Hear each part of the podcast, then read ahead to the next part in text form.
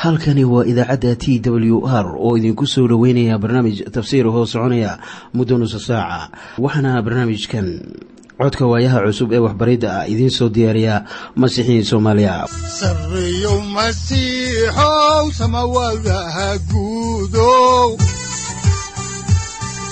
Siraadkii adduunkow subanaha eebow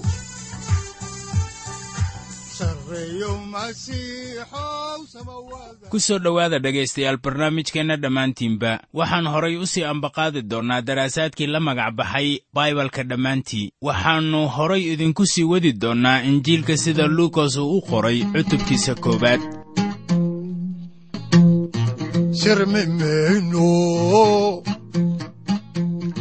Sirmi mayno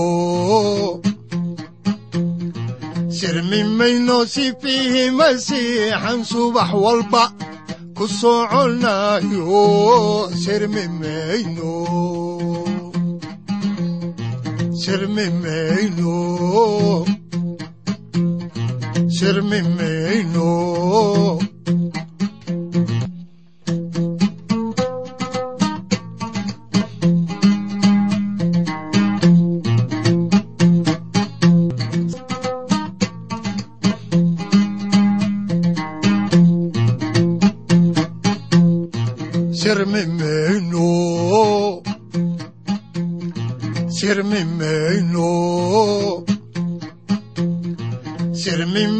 sifiihi masiixan subax walba ku soconaayo sirmi mayno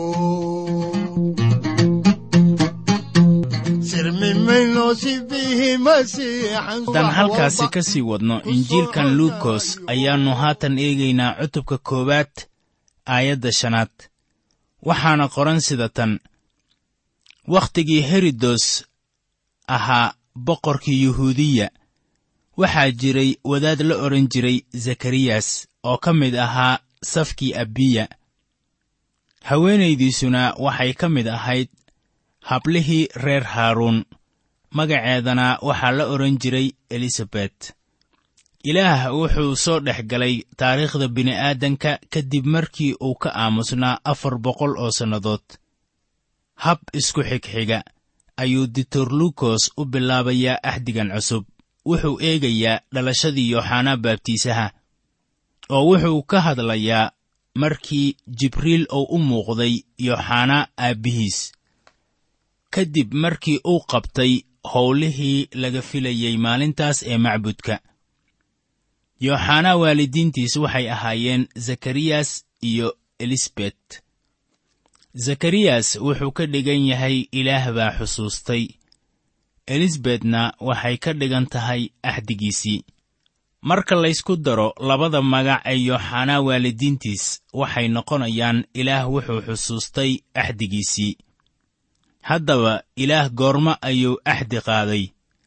Balaynu isla eegno kitaabka zabuuradda oo fiirinno. Zabuurka siddeetan iyo sagaalaad aayadaha afar iyo soddon ilaa toddoba iyo soddon. Waxaana qoran sida tan axdigayga ma jebin doono oo wixii afkayga ka soo baxayna ma beddeli doono. Mar baan waxaan ku dhaartay quduusnimadayda oo daa'uud been uma sheegi doono.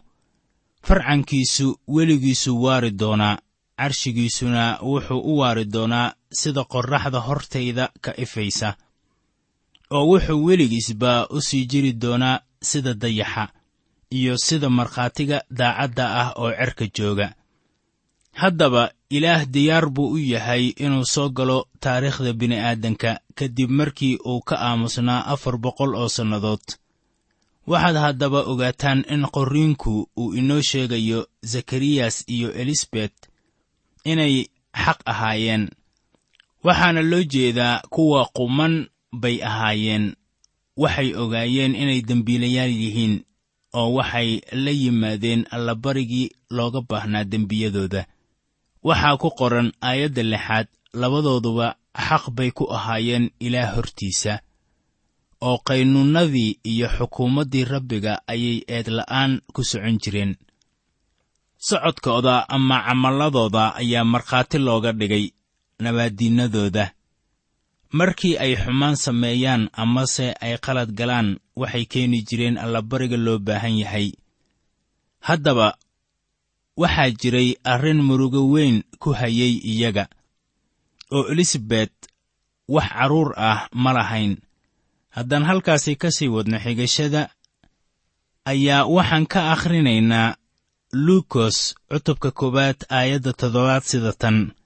Ilmo ma ay lahayn waayo elisabet ma dhalays bay ahayd oo labadooduba way da'weynaayeen waxaa haddaba halkan jooga laba ruux oo isqaba oo da'weyn haddaba inaan carruur la haysan ayaa waxay ku ahayd hablaha reer banu israa'iil ceeb iyo faxshir. Elisabet wax carruur ah ma ay lahayn. Zakariyas wuxuu ahaa reer laawi oo wuxuu ka shaqayn jiray taambuugga haddaan xigashada kitaabka horay u sii anba qaadno ayaa waxaa ku qoran injiilka sida luukos u qoray cutubka koowaad aayadaha siddeed ilaa labaiyo toban sida tan. Waxaa dhacay inuu shuqulkii wadaadnimadii safkiisa dartiis samaynayay ilaa hortiisa. Sida caadadii wadaadnimadu ay u ahayd in shuqulkiisu ahaa inuu foox shido. Goortuu macbudka rabbiga galay saacaddii fooxa ayaa dadkii badnaa oo dhammu dibadda ku tukanayeen. Markaasaa waxaa isaga u soo muuqatay malaa'igtii rabbiga oo taagnayd. Meeshii fooxa lagu shidayey midigteeda. Goortuu zakariyas arkay ayuu naxay wuuna cabsaday zakariyas wuxuu howshiisii ka waday haddaba. Meesha fooxa lagu bixiyo ee dahabka ka samaysan oo ah halka dadku ilaah ay ku baryaan. Waana xilliga la bixiyo qurbaanka fiidnimo oo hawsha waxa ay ahayd inuu foox ku shubo meesha fooxa ee dahabka ka samaysan. Isla markiiba waxaa u muuqday malag haddaan halkaasi ka sii wadna xigashada kitaabka ayaannu haatanna eegaynaa injiilka sida luukos uu u qoray cutubka koowaad aayadaha afar iyo toban ilaa shan iyo toban. Waxaana qoran sida tan waxaad heli doontaan farxad iyo reenreen dad badanna dhalashadiisa ayay ku farxi doonaan waayo rabbiga hortiisa nin weyn buu ku ahaan doonaa. Mana cabi doono khamri ama wax lagu sakhraamo waxaana xataa uurka hooyadiis kaga buuxsami doona ruuxa quduuska ah. Wiilkan ay dhalayaan elisabet iyo zakariyas wuxuu noqonayaa mid nadiir ah oo ilaah loo soocay. Dadka caynkan ah waxa ay ballanqaadaan inaanay cabin khamri iyo wax lagu sakhraamo waxay ahayd inuu ka helo farxaddiisa ruuxa quduuska ah iyo ilaah. Taasina waa sababtii bawlos uu leeyahay sida ku qoran warqaddiisii reer efesos cutubka shanaad aayadda siddeed iyo tobanaad khamri tiro badan ha cabinina laakiin ruuxu ha idinka buuxsamo. Haddaba farxadda ilaah baad ka raadinaysaan laakiin ma ahan dhalada khamriga ah haddaan halkii ka sii wadno kitaabka ayaa waxaa ku qoran injiilka sida luukos uu u qoray cutubka koowaad aayadaha lix iyo toban ilaa toddoba iyo toban sida tan. Reer banu israa'iil badidoodana ayuu rabbiga ilaahooda ah ku soo jeedin doonaa. Isaguna wuxuu ku hormari doonaa ruuxii iyo xooggii eliyas inuu aabbayaasha qalbiyadooda ku soo jeediyo carruurta iyo inuu caasiyiinta ku soo celiyo xikmadda kuwa xaqa ah. Inuu rabbiga u diyaargareeyo dad hagaagsan. Haddaba aynu si caddaan ah u fahamno in yooxanaa baabtiisaha uu ku yimid xoogga iyo ruuxa eliyas laakiin isaga qudhiisu ma ahayn eliyas oo wuxuu aabbayaasha qalbiyadooda ku soo jeedinayaa carruurta yooxanaa waxay ahayd inuu isku keeno kala dhaqaaqa u dhexeeya faraca. Dhibaatooyinkeenna maanta ma ahan oo keliya in farakh uu u dhexeeyo dadka waaweyn iyo dhallinyarada. Laakiin waxaa kaloo jira farqi u dhexeeya dadka iyo ilaah. Haddii dadka waaweyn ay xidhiir wacan la yeelan lahaayeen ilaah ma jireen dhibaatooyinka dhallinyarada maanta haysata. Haddaan halkaasi ka sii wadno kitaabka oo aan eegno injiilka luukos sida uu u qoray cutubka koowaad aayadda siddeed iyo tobanaad waxaa qoran sida tan. Zakariyas wuxuu malaa'igtii ku yidhi sidee baan waxaan u garan doonaa? Waayo anigu oday baan ahay. Afadayduna way da'weynaatay waxaa halkan jooga nin oo weliba ah wadaad oo ilaah salaad ama baryo wax ku weyddiistay isagoo jooga halkii fooxa ayuu yidhi ilaahuw isii wiil. Haatan markii ilaah uu u sheegay in baryadiisii looga soo jawaabay iyadoo loo soo marinayo malakul jibriil oo lagu yidhi wiil baan ku siinayaa ayaa zakariyas uu ku jawaabay sidee baan ku ogaanayaa? Haddaan halkaasi ka sii wadno xigashada kitaabka oo aannu eegno injiilka sida luukas uu u qoray aayadda sagaal iyo tobanaad waxay odhanaysaa sida tan malaa'igtii baa u jawaabtay haddaba oo ku tidhi anigu waxaan ahay jibriil oo ilaah hortiisa istaaga. Waxaa lay soo diray inaan kula hadlo oo aan warkan wanaagsan kuu keeno haddaba hadalladii ilaah waxaa shaabadeeya ilaah oo weliba awood bay xambaarsan yihiin. Markaana waxa anigu aan leeyahay macno ma laha laakiin hadallada ilaah macno weyn ayay leeyihiin. Ilaahna wuxuu inagula hadlaa hadalladiisa. Haddaan halkaasi ka sii wadno injiilka waxaa qoran aayadda labaatanaad ee cutubka koowaad sida tan. Bal eeg waad aamusnaan doontaa mana hadli kari doontid ilaa maalinta waxyaalahan ay dhici doonaan. Waayo waad rumaysan weyday hadalladayda wakhtigooda la oofin doono. Zakariyas oo ereyadiisu caddaayeen ayaa haatan aamusnaan doona ilaa iyo wakhti. Haddaba rumaysadarridu mar waliba waxay keentaa aamusnaan. Taasina keeni mayso ama la heli maayo wax farriin ah. Waxaa haddaba jira kuwo badan oo waalan oo mar waliba soo mantagaya rumaysadarridooda haddii ayan jirin wax ay yidhaahdaan waa inay aamusnaadaan.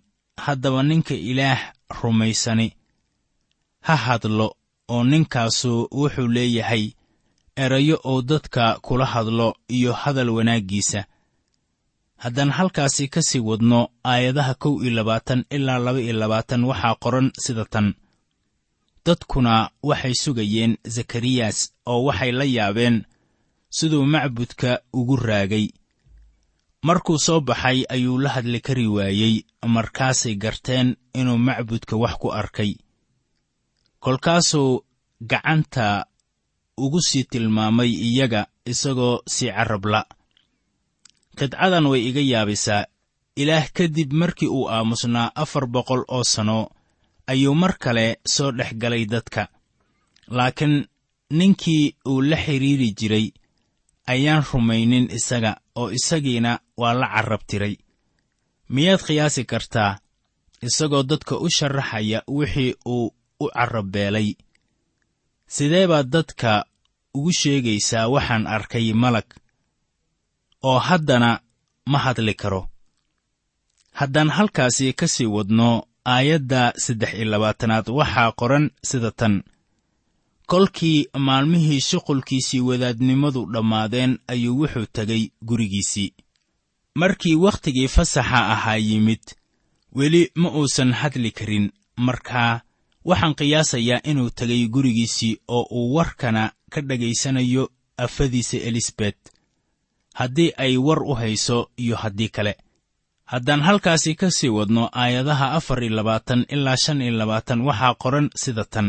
Waa cutubka koowaade maalmahaas dabadeed afadiisa elisabet ayaa uuraysatay oo shan bilood ayay isqarisay iyadoo leh sidaasaa rabbigu iigu sameeyey maalmihii uu i eegay inuu ceebtayda dadka dhexdooda iga qaado haddaba xaaladdanu waa mid xiise leh. Zakariyas ma hadli karo elisabetna iyadoo ay ugu wacan tahay xaaladda haysata ayay isqarinaysay ilaa iyo shan bilood. Waxaan qiyaasayaa inay wakhtigaa zakariyas u sheegaysay ama xusuusinaysay inay wiil helayaan oo iyadu ay haatan uuraysatay inankaas. Haatan aynu eegno maaddada kale ee ah ogeysiiskii dhalashada sayid ciise masiix. Haddaan xigashada halkeedii ka sii wadno ayaa waxaa ku qoran aayadaha lix iyo labaatan ilaa toddoba iyo labaatan ee cutubka koowaad sida tan.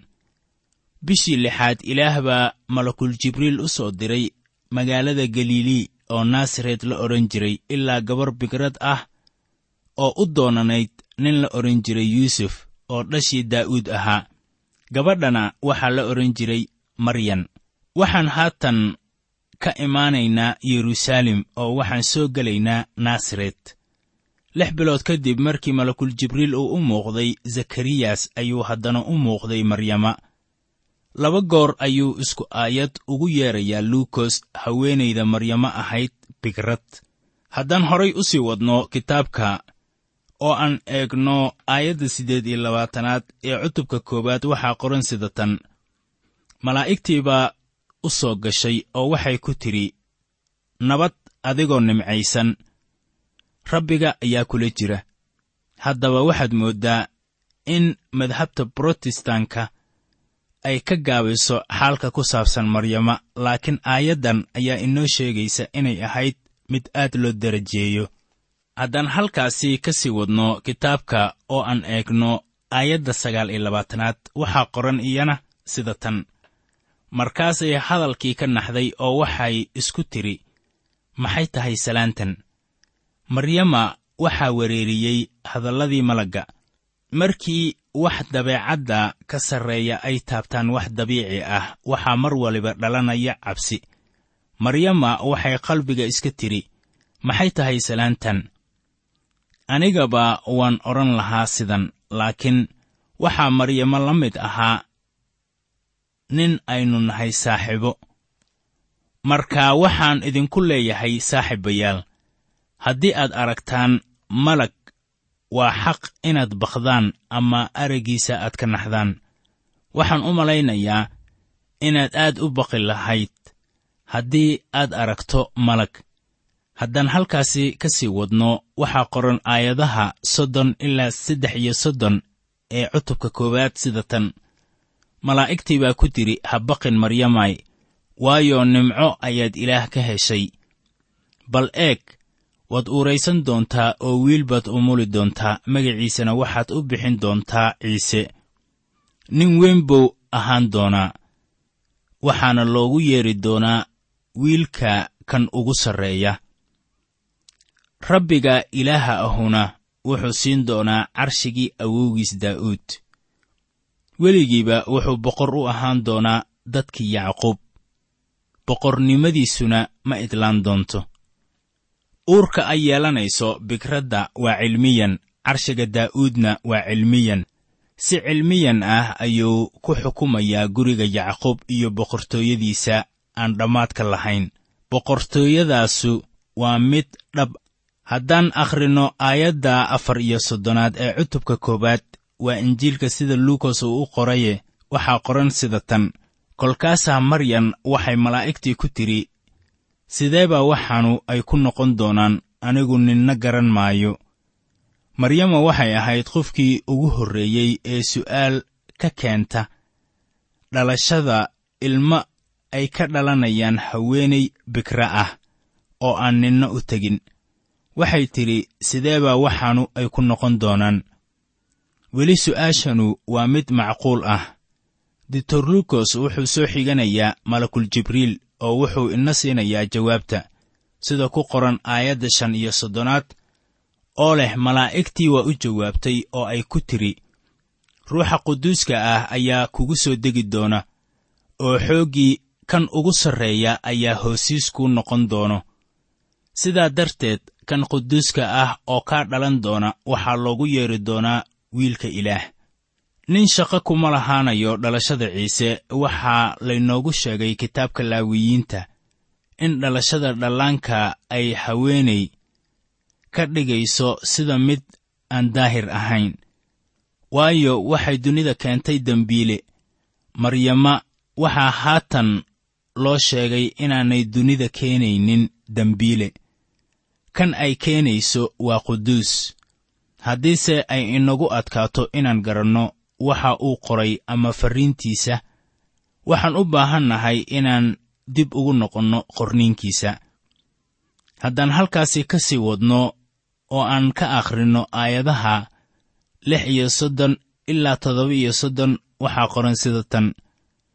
Bal eeg ina adeerta elisabetna wiil bay uuraysatay iyadoo da'weyn oo tanuna waxay tiima dhalays loogu yeeri jiray u tahay bisheedii lixaad.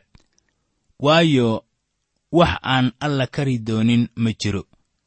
Dhalashadii yooxanaa baabtiisaha ayaa iyaduna mucjiso ahayd laakiin ma ahayn inuu ka dhalanayo bikrad hadalka uu bixiyey malagga ayaa ahaa waayo waxaan ilaah kari doonin ma jiro amase aan idhaahdo. Waxaan ilaah u suuroobin ma jiraan waana weer wanaagsan oo aynu u baahannahay inaan ku dhegganaanno maalmaha kan. Waxaan markaasi doonayaa inaan idin xaqiijiyo inay jiraan. Dad qaatay erayadan malaggu uu yidhi oo beddeshay oo macnihii dhallan rogay. Haddaba waxaan ilaah u suuroobin ma jiraan laakiin waxaa jira wax badan oo aniga iyo adiga aan inoo suuroobin haddaan halkaasi ka sii wadno kitaabka waxaa haddaba ku qoran injiilka sida luukas uu u qoray cutubka koowaad aayadda siddeed iyo soddonaad sida tan. Maryan ayaa tidhi waa ikan waxaan ahay addoontii rabbiga. Sidaad u hadashay ha ii noqoto. Markaasaa malaa'igtii ay ka tagtay. Haddaba aayaddanu waxay muujinaysaa sida ay maryamo isugu dhiibtay ama isu hoos keentay doonista ilaah waxay malagga ku tidhi sidaad u hadashay ha ii noqoto. Sarakiciddii masiixa ayaa caddaynaysa dhalashadiisii uu ka dhashay bikradda haddaba waa isla socdaan sarakicidda iyo dhalashada bikradda uu ka dhashay. Haatan aynu eegno maaddada ah booqashadii elisabet ay soo booqatay maryama wakhti kadib ayaa maryamo ay goosatay inay soo booqato elisabet oo ay ugu tagtay dhulka buuraha leh ee deegaanka yuhuudiya. Haddaan dib ugu noqonno injiilka luukos oo uu qoray aayadaha sagaal iyo soddon ilaa kow iyo afartan ee cutubka koowaad waxaa qoran sida tan. Maalmahaas maryam baa kacday oo waxay dhaqso u tagtay dhulkii buuraha lahaa ilaa magaalo ka mid ah reer yuhuudah oo waxay gashay gurigii zakariyas. Oy salaantay elisabet oo waxaa dhacday goortii elisabet salaantii maryan maqashay in ilmihii uurkeeda ku boodbooday. Elisabetna waxaa ka buuxsamay ruuxa quduuska ah. Waxa aynu halkan ku hayno waxa weeye mucjiso mana lahan cudurdaar aan la imaan karno oo si dabiici ah aynu xaalka ugu fasiri karno. Waxaa haddaba ku qoran injiilka sida luukas uu u qoray cutubka koowaad aayadaha saddex iyo afartan ilaa shan iyo afartan sida tan. Xaggee waxaannu iiga yimaadeen in sayidkayga hooyadiis iigu timaado. Bal eeg markii codkii salaantaadu dhegahayga ku dhacay ilmaha uurkayga ku jira ayaa farxad la boodbooday waxaa barakadaysan tii rumaysatay waayo waxyaalihii xagga rabbiga looga sheegay ayaa dhici doonaan.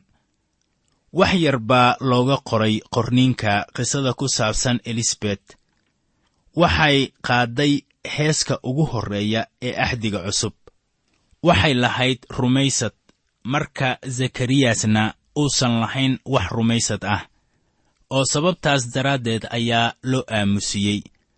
Waxay rumaysnayd ilaah oo waxay haatanna niyadda u dhisaysaa maryama. Maryama waxay ahayd gabar yar oo elisabetna waxay ahayd haweenay duq ah. Elisabet ilaah bay wakhti dheer tiqiinnay waxaanay u xaqiijisay maryama intaasu ay tahay mucjiso iyadaba loo muujiyey. Waxaan markaasi jeclaan lahaa inaan ku sharfo elisabet waxaasi dhacaya mana ahayn qof maryamo hoos jooga ama ka hooseeya. Waxaase ay ahayd haween isla sida maryamo ay ahayd oo kale. Waxaanay maryamo u baahnayd dhiirogelintan elisabet haddaan halkaasi ka sii wadno aayadaha afartan iyo lix ilaa afartan iyo siddeed waxaa qoran sida tan. Maryanna waxay tidhi naftaydu rabbigay weynaysaa. Ruuxayguna wuxuu ku rayreeyey ilaaha badbaadiyahayga ah waayo wuxuu eegay hoosaysnimada addoontiisa. Bal eeg tan iyo hadhow qarniyada oo dhammu waxay iigu yeedhi doonaan tan barakadaysan haatan maryama hees bay ku dhufatay waxaana loo yaqaannaa madiixii maryama. Bal dhegayso markaan waxa maryamo ay leedahay iyo heeska ay qaadayso sida ku qoran injiilka sida luukos uu u qoray cutubka koowaad aayadaha sagaal iyo afartan ilaa shan iyo konton waxaana qoran sida tan. Waayo kan xoogga leh ayaa waxyaalo waaweyn ii sameeyey magiciisuna waa quduus. Tan iyo ab ka ab naxariistiisu waxay gaadhaa kuwa isaga ka cabsada. Wuxuu xoog ku sameeyey gacantiisa oo kuwii fikiradii qalbigoodii ku kibray ayuu kala firdhiyey. Kuwii xoogga lahaa ayuu carshiyadoodii ka soo dejiyey. Oo kuwii hooseeyey ayuu sarraysiiyey. Kuwii gaajeesnaa ayuu wax wanaagsan ka dherjiyey kuwii hodanka ahaana iyagoo madran ayuu diray. Mididiinkiisii israa'iil ayuu caawiyey inuu xusuusto inuu u naxariisto ibraahim iyo farcankiisii weligoodba. Siduu awoowayaasheennii ula hadlay. Maryama way heestay oo waxay tidhi wuxuu xoog ku sameeyey gacantiisa. Waxaa ku qoran ishaaciyah konton iyo saddex aayadda koowaad sida tan. Bal yaa warkaygii rumaystay oo yaa gacantii rabbiga loo muujiyey dabeetana ishaaciya ah wuxuu durbadiiba muujinayaa in ciise uu ahaa wankii ilaah oo qaaday dembiyada dunida. Waxaan haatanna eegaynaa aayadda konton iyo lixaad ee injiilka sida luukas uu u qoro cutubkiisa koowaad waxaana qoran sida tan. Maryan waxay iyada la joogtay abbaaraha saddex bilood markaasay gurigeeda ku noqotay halkani waa t w r idaacadda t w r oo idinku leh ilaa ha idin barakeeyo oo ha idinku anfaco wixii aad caawi ka maqasheen barnaamijka. Waxaa barnaamijkan oo kalea aad ka maqli doontaan habeen dambe. Hadahan oo kale haddiise aad doonaysaan in aad fikirkiina ka dhiibataan wixii aad caawi maqasheen ayaad nagala soo xiriiri kartaan som t w r at t w r c o k e haddii aad doonaysaan in aad dejiisataan oo kaydsataan barnaamijka ama aad mar kale dhegaysataan fadlan mar kale booqo www t w r o r g. Amase waxaad teleefoonkaaga ku kaydsataa ama ku download garaysataa agabyada ku sahli karaa dhegeysiga t w r haddii aad doonayso in laga kaalmeeyo dhinacyada fahamka kitaabka amase aad u baahan tahay duco fadlan fariimahaaga soo mari bogga aaraahda ama kommentska inana jawaab degdeg ah ayaanu ku soo diri doonaa amase ku siin doonaaye sareyow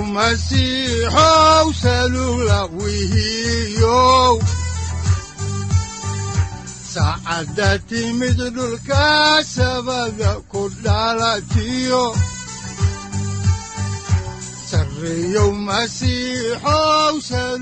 halkani waa t w r oo idiin rajaynaya habeen baraare iyo barwaaqaba leh. Inta aynu ka gaari doono wakhti aynu ku kulanno barnaamij la mida kan caawayay aad maqasheen. Waxa aan idinku leeyahay nabadda ciise masiix ha idinku badato xagga jidhka iyo ruuxaba. Aamiin